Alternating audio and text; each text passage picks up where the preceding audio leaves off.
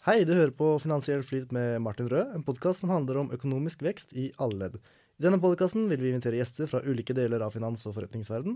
Dagens gjest er Jakob Mæland. Jakob er en engasjert siviløkonom og revisor. Han har god erfaring med kontrollsikring, risikostyring og forretningsdrift i PwC. Jakob har også engasjert seg utrolig mye i diverse styreverv. Jeg gleder meg til å høre om revisor som yrke, litt om bakgrunnen til Jakob, og hvordan revisjon blir påvirket av diverse utfordringer i samfunnet. Velkommen til deg, Jakob Mæland. Takk for det. Hvordan har du det? Jeg har det veldig bra. Nå begynner det å nærme seg slutten av årsoppgjøret, så da blir vi jo veldig glade som revisorer. Det skjønner jeg veldig godt. Skal du ha noe sommerferie snart, eller? Ja, eh, egentlig ganske lang. For vi jobber jo, det kommer jeg litt inn på senere, mye overtid. Og, og det gjør at vi også kan ta ut en del ferie om sommeren. Så gjerne fem-seks uker. Ja. Så du er jo litt revisor. Eh, kan du ikke fortelle litt om hvordan du kom deg dit? Det, det kom vel egentlig fra videregående, tenker jeg. Da hadde jeg en del eh, økonomiske fag, samfunnsøkonomi, eh, R1-matte og diverse. Og jeg, jeg merka jo at jeg var veldig interessert i på en måte sammensetninger da, i samfunnet. Hvordan virksomheter styrer eh, bedrifter, økonomi. Og så fikk jeg også en deltidsjobb i DNB som gjorde at det, det også etter hvert ble interessant da, å, å studere økonomi. Ja, for du studerte jo da økonomi og administrasjon på Universitetet i Agder. Eh, og så måtte du da ta en master, og du valgte da å ta master i regnskap og revisjon. Eh, kan du ikke fortelle litt om det? Det var egentlig et ganske enkelt valg. Fordi når du tar denne kall masterspesialiseringen på UiA, så blir du både revisor og siviløkonom. Du får på en måte to titler i en mastergrad. Eh, og så var jeg jo som sagt interessert i å bli revisor syns det hørtes ut som et spennende og, og, variert yrke.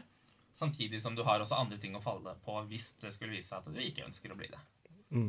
Sånn som jeg har skjønt det, så er jo revisor også veldig ettertrakta i uh, jobbmarkedet. Og du får jo også utdelt de der eh, MRR-stipenda.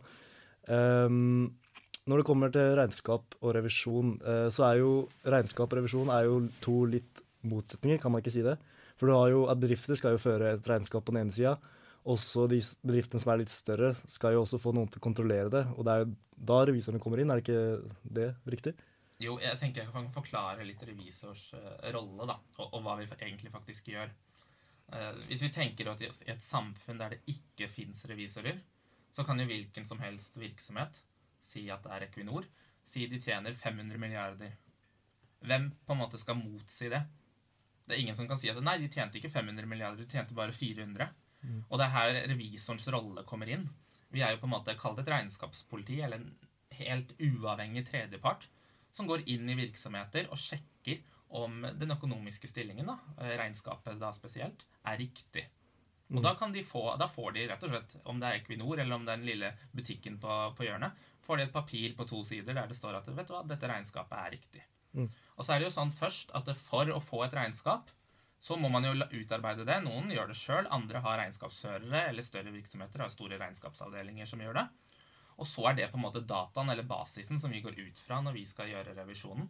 Og egentlig kontrollere øh, og kontrollsikre at det er riktig, det regnskapet.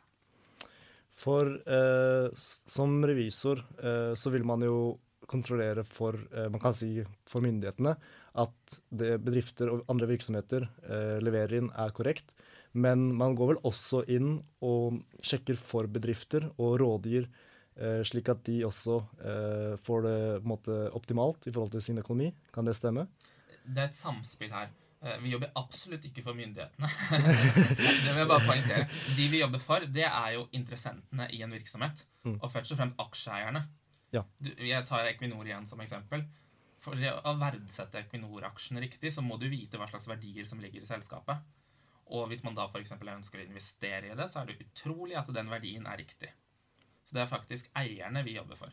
Ja, det stemmer. Og eh, jeg vet jo til deg, Jakob, og de som studerer på Universitetet i Agder, også kjenner til deg, at du har vært uh, utrolig aktiv uh, opp igjennom. Uh, du har hatt veldig mye styreverv og sånne ting. Kan du ikke fortelle litt om det? Ja, det, det, Hva skal jeg si? Det begynner å bli så mange verv at jeg ikke klarer å telle lenger. På en uh, fem-seks år så tror jeg jeg har hatt ja, rundt 50 verv. Så, så, så, det begynner å bli litt. Og, og, noen av de har jeg fortsatt, og det jeg syns har vært veldig interessant. Det er jo starta rett og slett i studentforeninger, aktiviteter og den type ting. Men etter hvert har jeg også fått lov til å bli med i, i større styrer. Og, og, på en måte rett og slett være ganske tett på både ledelse og virksomheter. Og på den ene siden, som revisor, så er man jo også det, men nå får man jo også vært andre siden, på andre siden av bordet og opplever rett og slett hvordan er det faktisk i, i, en virksomhet? Hvordan er det man sikrer, og, og, hvordan er det man kontro kontrollerer da, at uh, vi gjør det vi skal, og, har de aktivitetene som vi skal ha? Og Et godt eksempel her er jo SIA, studentsamskipnaden i Agder. Der er jeg styreleder nå og syns det er faktisk et enormt givende verv å ha. Vi, vi, gjør jo alt mulig fra studentboliger til kantine, puber og, og treningssentre. Og er liksom egentlig en liten studentby som jeg får lov til å være øverste leder av. Så det syns jeg er kjempegøy uh, å få være med med. Veldig fint å høre. Eh, hvordan er mulighetene som revisor å ta på seg styreverv? Er det noen muligheter der hvis man ønsker å engasjere seg? Man er jo egentlig ganske positiv til at man skal engasjere seg. Eh, både i lokalsamfunnet, men også i miljøet og andre ting utenfor. Men så er det en, en viktig skillelinje der. Jeg kan ikke gå inn i et styreverv i noen selskap der PwC er revisor. Altså det selskapet jeg jobber for. Nei. Og det er jo rett og slett at det går jo på uavhengigheten da, da, kan man jo ikke, hvis man sitter på begge sidene av bordet, både lager regnskapet og kontrollerer det, så øh, vil jo det være ja, uforenlig, rett og slett. Og det kan ja, føre til korrupsjon og andre ting. Så så lenge PwC ikke er revisor i selskapet, og selskapet selvfølgelig har en viss standard Jeg tror ikke du hadde fått lov å sitte i en strippeklubb i PwC. Eh, så er det helt ja, åpent da, for å sitte i det. Men det er en søknadsprosess som du på en måte må søke gjennom for hvert styreverv du har. Mm. Har du lyst til å fortelle litt om PwC når du først er inne på det? Ja. Eh, PwC er jo en av de kalt fem store. da. Eh, et stort kompetansehus som er globalt over hele verden. De, ja, det spinner ut av revisjon rett og slett fra, fra gammelt av, men nå har de jo en del rekke andre avdelinger også driver med risikovurderinger, de driver med consulting management, eh, har en advokatavdeling, eh, CFO Solution, altså utleie av økonomiansatte. Ganske sånn bred portefølje. Og er virkelig et stort eh, kompetansehus da, som man kan utvikle seg på. I Norge så er vi vel begynner å nærme oss nå 2500 ansatte. Og er i absolutt alle de største byene. Jeg tror det er ca. 30 kontorer i, i landet. Mm. Det som er på en måte veldig positivt, da, med å starte et sånt sted, og kanskje spesielt som revisor, er at det er et veldig ungt miljø.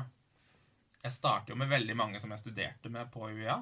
Eh, og vi har det egentlig veldig kjekt på jobb. da. Overgangen fra å være student til å bli revisor og kall det arbeidstaker, den blir ikke så stor, da. Fordi vi finner også på ganske mye sosialt, og det er mange unge, kall det, i, i samme båt da, som deg sjøl. Mm. Hvordan eh, kan en typisk arbeidsdag se ut for deg på PwC? Nei, eh, Når man er revisor, så får du jo et regnskap. Og så er det veldig variert hvor lenge en revisjon varer. Det er jo helt ja, I forhold til hvilket selskap det er. Er det butikken på hjørnet, så tar det kanskje en dag, og du jobber kun deg og en annen på selskapet. Men er det et stort selskap, eh, si et børsnotert, så kan det ta ja, flere måneder å bli ferdig med revisjonen. Og man jobber kanskje i større team med 10-20 personer. Så den er veldig variert, da. Og det er det som er så kult med å være revisor. Du får denne variasjonen. Og man går rett og slett inn og sjekker regnskapslinje for regnskapslinje. Jeg kan jo ta et eksempel. For eksempel eh, hvis vi skal sjekke varelageret til eh, en butikk, så må vi faktisk ut og telle. Mm. Vi, vi, teller jo ikke selvfølgelig alle varene. Det er det butikken som gjør selv. Men, men vi kontrollteller da. Tar en kontrolltelling på det de har telt, og passer på at de har telt riktig si f.eks. 60 varer. Mm. Mm. Tror du at det er en misforståelse at revisorer kun sitter på kontor? Ja, det er en kjempestor misforståelse. Fordi vi er, og spesielt i årsoppgjøret, det er fra januar til juni hvert år, så er vi nesten mer ute hos kunder enn vi faktisk er på kontoret. Mm. Og det er veldig gøy, da, for du opplever veldig mange bedrifter, og også sitter ganske tett på både ledelse og økonomisjefer og, regnskapsavdelinger. da. Mm. For ja, et stort nettverk vil jeg si, i næringslivet. Ja, for Du nevnte jo det her tidligere med at årsoppgave er levert. Eh, og med den sammenhengen så vil dere jo i visse tider jobbe veldig lange timer. Kan du ikke fortelle litt om det?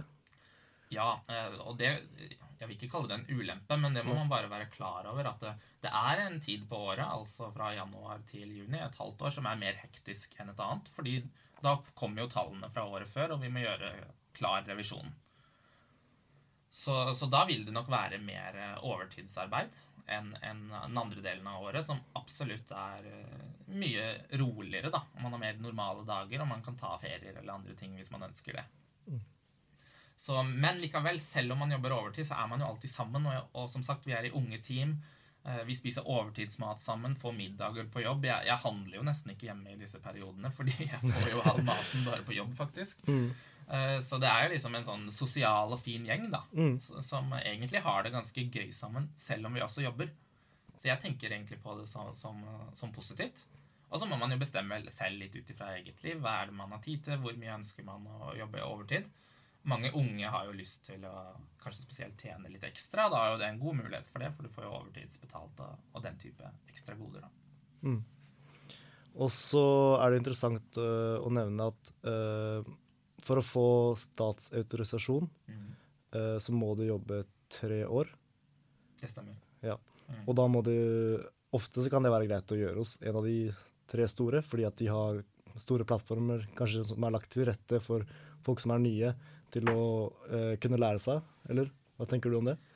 Jo, eh, du kan vel egentlig gjøre det i alle revisjonsfirmaer. De legger nok til rette for det. Og mange som i hvert fall jobber som revisorer lenge, ønsker jo at du, du tar denne prøven og blir statsautorisert. For mm. da får du faktisk en, eh, en, ekstra godkjenning og kan skrive under på revisjonsberetninger selv, da. Mm. Men, men det legges jo til rette egentlig i alle revisjonsfirmaer for at man skal det, med kursing underveis, slik at man er klar til å ta denne prøven etter da Man kan faktisk ta prøven etter to år, men du får ikke autoriseringen før du har hatt tre års praksis. Mm. Som med alt annet så er det jo også ulike retninger innenfor revisjon. Eh, kan ikke du fortelle litt om den eh, retningen du har valgt, eller eventuelt fått? Det er jo sånn at det som revisor, og spesielt da i et stort kompetansehus som PwC, så kan man ha visse sideoppgaver også som, som man jobber med. Eh, og hvis vi skal snakke om retninger innenfor revisjon, så kan det jo være IT-revisor, som går mer på å revidere og kontrollsjekke IT-systemer. Mm. Uh, mens jeg har jo syntes det har vært veldig gøy å jobbe med kommunikasjon, med rekruttering, med omdømmebygging også av PwC. Det er liksom en helt annen vei, men, uh, det er på en måte mitt uh, kall det mitt sideprosjekt i PwC, og som jeg jobber mye med, spesielt retta mot nyutdannede, da, for å få de rett og slett interessert i, i selskapet. Og det er, ja, jeg må jo nevne da, det kanskje det kuleste vi har gjort der, er jo faktisk at vi har laget et reality-prosjekt. Mm.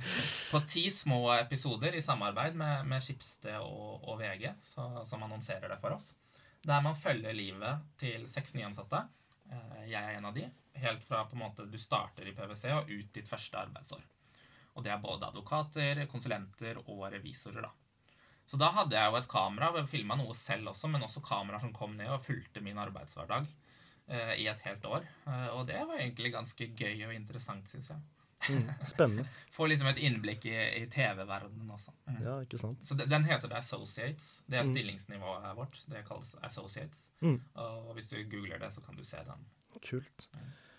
Uh, og hvis man ønsker videre, hvor, hvor, stopper det på en måte? Hvor, uh, hvilken steg kan man ta oppover som revisor i løpet av en karriere? Det, er jo ulike nivåer i, i, de ulike virksomhetene. Jeg trenger ikke gå inn på hva alle de heter overalt. Men etter hvert, etter en tre til fem år, så vil man ofte få et steg opp der man har mer prosjektansvar, kanskje personalansvar for nyansatte. Eh, og på en måte har, er en teamleder da, i større grad på diverse revisjonsprosjekt. Og så vil man nok utfordre seg og utvikle seg mer og få større og større selskaper, mer og mer ansvar uh, jo tiden går. Og på en måte det, det høyeste man kan komme da, i et selskap, er å bli rett og slett bli partner. Da kjøper du deg inn i selskapet eh, som en aksjonær rett og slett, og eier en del av selskapet, og vil derfor også få utbytte eller overskudd da, hvert år. Mm. Og det skjønner man også hos advokator. advokater. Stemmer. Mm. Det er ganske lignende i, i forhold til det. Mm. Men, men, da må man jo nok jobbe noen år. Det er ikke sånn at du blir det etter, etter fem år. De fleste bruker en 10-15 år i hvert fall. Ja, stemmer. Du som har jobba litt som uh, revisor, um, hva tror du kan kjennetegne en virksomhet eh, økonomisk flyt. Hvordan, hva er det som gir økonomisk flyt i en virksomhet? Hva mener du med økonomisk flyt? Eh, altså, man ønsker jo å ha eh, en balanse mellom eh, likviditet, man ønsker å ha eh, investeringer Mm. og sånne ting. Hvordan finner man balanse mellom hvor mye skal man spare, hvor mye skal man investere, hvor mye skal man eh, bruke til nye prosjekter, sånne ting. Jeg skjønner. Altså, jo høyere egenkapital du har i en eh, virksomhet, jo mer solid er den jo. Det, det sier seg jo selv, og jo mindre lån ikke sant, også, så vil du jo ha mye større rom for vekst og, og gjøre andre ting. Men, men det er jo det som ofte er utfordringen med et selskap, det er jo å få den egenkapitalen. Og derav så må man jo faktisk ofte låne penger. Men, men midt oppi dette også, så må man huske på at på kort sikt så må man jo ha et resultat man skal levere hvert år, eh, og som i robuste og solide selskaper bør være positivt. Og ikke minst også en likviditet for å klare de pengestrømmene eh, som kommer inn, også enten om det er daglig eller månedlig eller årlig. Hva er det mest kuleste historien du har, egentlig? Nå er ikke mitt karriereliv sånn superlangt ennå, men det begynner faktisk å, å bli noen år, da. Men, men jeg er jo veldig opptatt av, i og med at jeg har engasjert meg så mye i, i styreverv og andre ting, og, faktisk utgjøre en, en forskjell for andre, da. I, ikke bare meg, meg selv. Og, og i PwC så er det faktisk en helt konkret historie som jeg, jeg må dra frem da. Det er jo, PwC har jo som alle andre virksomheter et, et styre, og i de fleste styrer med såpass mange ansatte, så må man jo ha ansatte representanter i styret. Og eh, reglene når jeg kom inn i PwC, var jo slik at eh, du kunne ikke søke deg inn i styret, det er jo de ansatte som velger, før du hadde jobbet minst to år i virksomheten. Og jeg syns jo det egentlig var ikke så bra, for å være ærlig. For, fordi det er jo slik at de nyansatte, PwC som er et firma der det jobber veldig mange unge, det er et sosialt ung miljø eh, ja, Nesten 50% av virksomheten er jo faktisk under 30 år. Da må også de unge ha en stemme der de viktige beslutningene tas. Mm. Så, så jeg fant meg jo rett og slett ikke i det, og, og kontakta rett og slett eh, administrerende direktør i PwC og eh, valgkomiteen der og sa at eh, jeg syns at man bør stille, kunne stille med en gang man har starta i PwC, slik at vi også får unge stemmer inn i styret. Mm. Mm. Og, og det fikk jeg faktisk godkjent. Kult. Overraskende Ja. nok. Og, og da Ja. måtte jeg jo faktisk stille selv òg, Ja. når jeg først hadde gått så hardt ut. Ja, Og, og dette var vel eh, ja, to måneder etter jeg hadde starta i ny jobb. Jeg tror ikke det er så mange andre som hadde turt det. Å å dra den så langt. Du skal ha litt guts da. Ja. Men, men jeg stilte jo faktisk, og, og ble også valgt som uh, varamedlem inn i styret.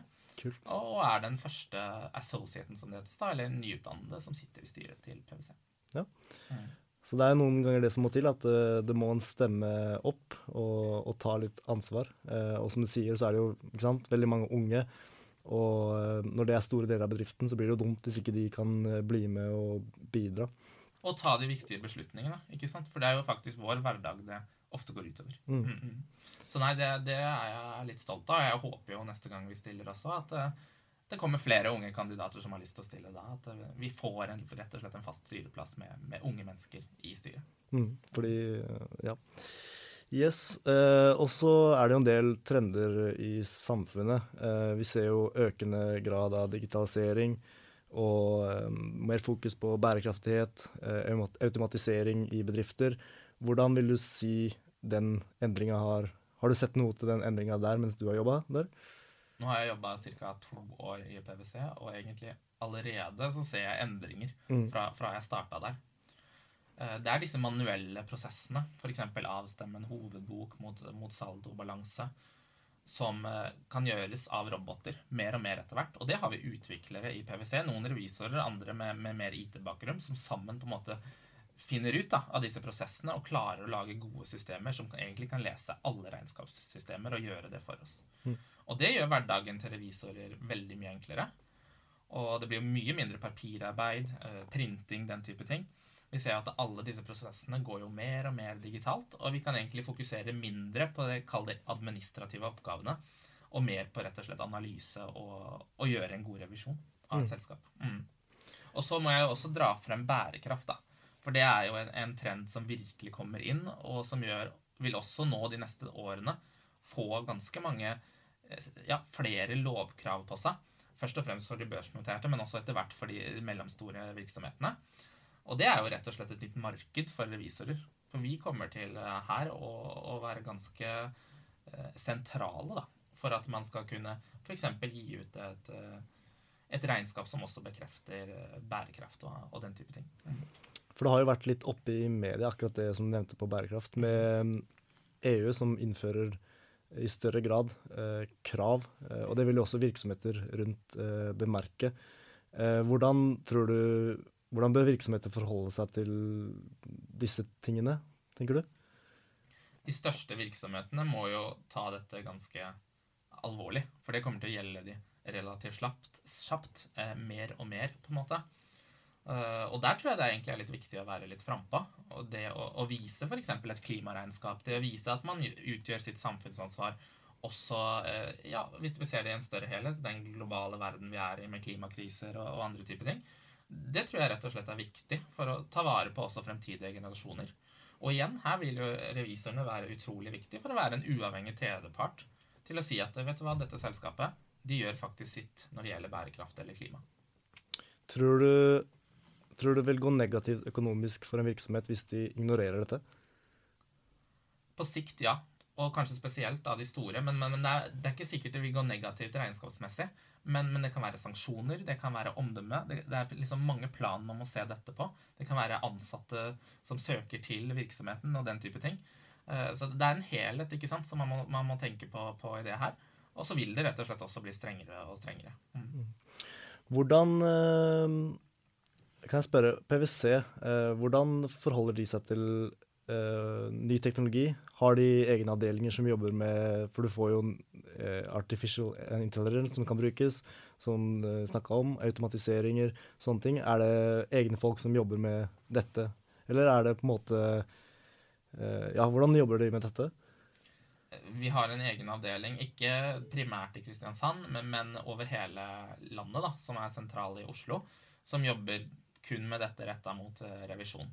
Men så, som jeg sa, jeg har jo valgt en, en vei kanskje mer sånn rekruttering kommunikasjonsmessig. Så kan en annen revisor velge en mer IT-vei. Og, og, hvis man ønsker å være med i disse programmene, eh, være med å utvikle eh, prosjekter eller botter eller AI for den saks skyld, så er det noe man kan melde interesse for å, å være med på. Da. Og da vil en, en, viss del av din stillingsprosent gå til å, å være med i, i IT-programmet avdelingen, mens den andre vil være den mer normale revisjonen. Så det, det, er, det, er, på en måte mange muligheter, og det er et veldig høyt satsingsområde i, i PwC. Vi ser jo i forhold til IT-folk uh, når vi ansetter, at det er jo det området som faktisk vokser mest. Mm. Og som jeg også tror vil vokse mer fremover. Mm. Jeg kan jo se for meg at, uh, at det er ganske kappløp uh, rundt omkring. Det gjelder jo absolutt mm. alle områder nå. At teknologi er virkelig det som trekker fram. Da, og det å måte, få en fot foran der kan jo være ekstremt avgjørende eh, for hvilken eh, bedrifter som blir best og størst. Da. Vi har jo en stor satsing f.eks. nasjonalt da, på cybersecurity. Eh, sikkerhetsbrudd og, og, den type ting. Eh, og der eh, Jeg husker jo for to-tre år siden da, så var den avdelingen fem personer. Nå er de 50-60. Ja, ikke sant. Så det vokser ekstremt kjapt. Ja. Mm. Veldig mange som kommer rett fra skolebenken når du starter i PwC. Og det å være sammen med andre mennesker da, som er jevnaldrende, som på en måte har de samme utfordringene, det er utrolig viktig eh, i en hverdag som kan være utfordrende til tider.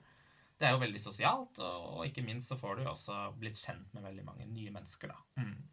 Så, så jeg vil absolutt anbefale og disse store kompetansehusene, da, for de ansetter jo store kull hvert år. Og spesielt i de store byene så, så kan du jo faktisk jobbe med eh, studenter som du har gått med i fem år også tidligere. Det er nesten som en liten fortsettelse på studiet? kanskje? Ja, da blir det på en måte ikke en sånn, eh, hva skal jeg si, slutt da, på mm. studielivet. Det blir litt mer sånn en, en, ikke så brå overgang, da, en myk overgang.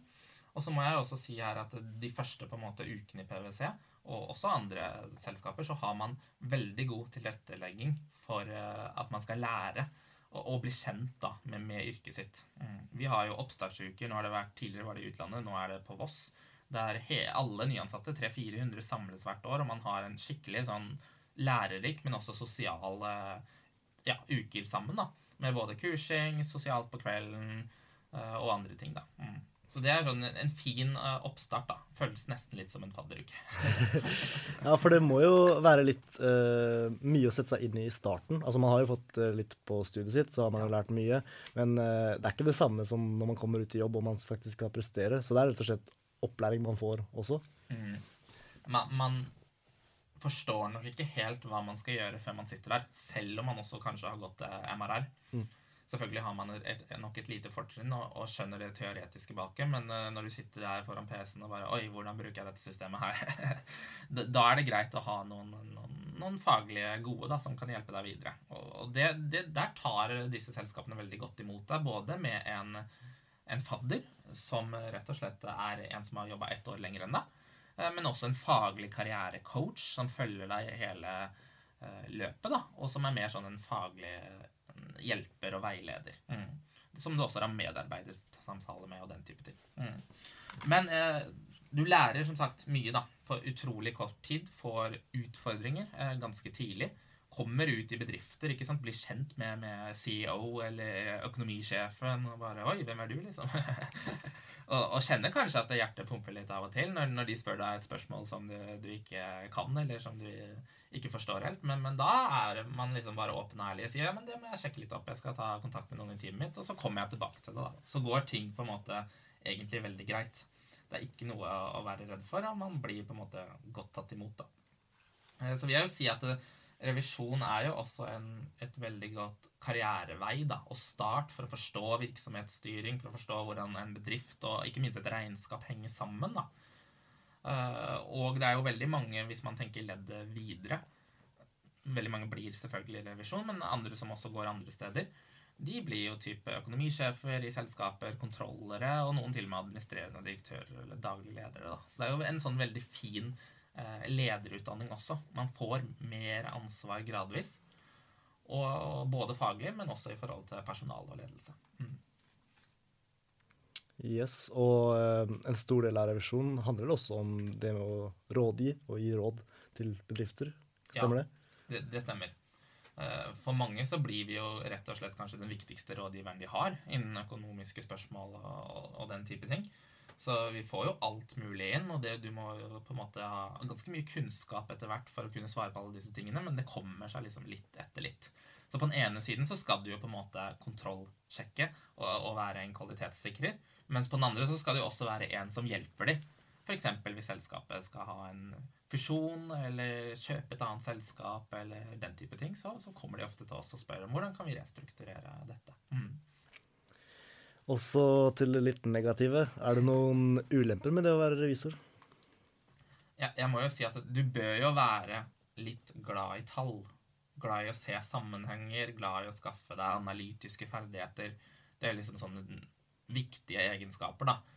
Det, treffer ingen av de deg, og du tenker at tall er utrolig kjedelig, jeg vil jobbe med andre ting innenfor økonomi, marketing eller uh, consulting eller andre ting, så, så, er kanskje det en mer riktig vei. Så ærlig må man jo si, for vi, vi sitter mye og arbeider i Excel, vi sitter mye og analyserer tall og regnskap, så det, det er en, en, ting som er viktig.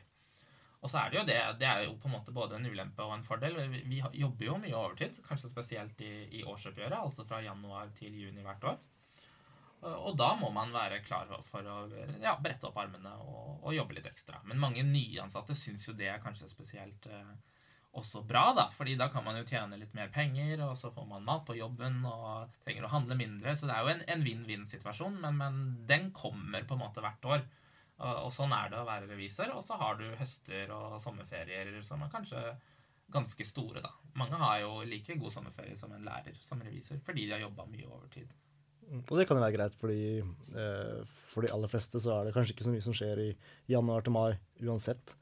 Eh, og lengre sommer kan jo være fint, det. det er jo de gråeste månedene. Ja. så det er, jo, det er, jo, enklere å sitte inne da og, og jobbe enn å gjøre det fra, fra, juni til august, når man kan ta en lang sommerferie og egentlig kose seg og glemme alt. Mm. Vi har vært så heldige å ha hatt Jakob Mæland på besøk. Han har gitt mange gode innspill og også delt sine erfaringer. Takk for at du lyttet til Finansiell flyt. Det hadde blitt satt utrolig stor pris på hvis du som lytter kunne delt podkasten med venner og bekjente. Vi hadde også satt pris på om du kunne lagt igjen en anmeldelse, så vi vet hva vi gjør bra, men også hva som kan forbedres. Følg oss også på sosiale medier med navnet Finansiell flyt. Det blir lagt ut en episode hver uke framover. Takk.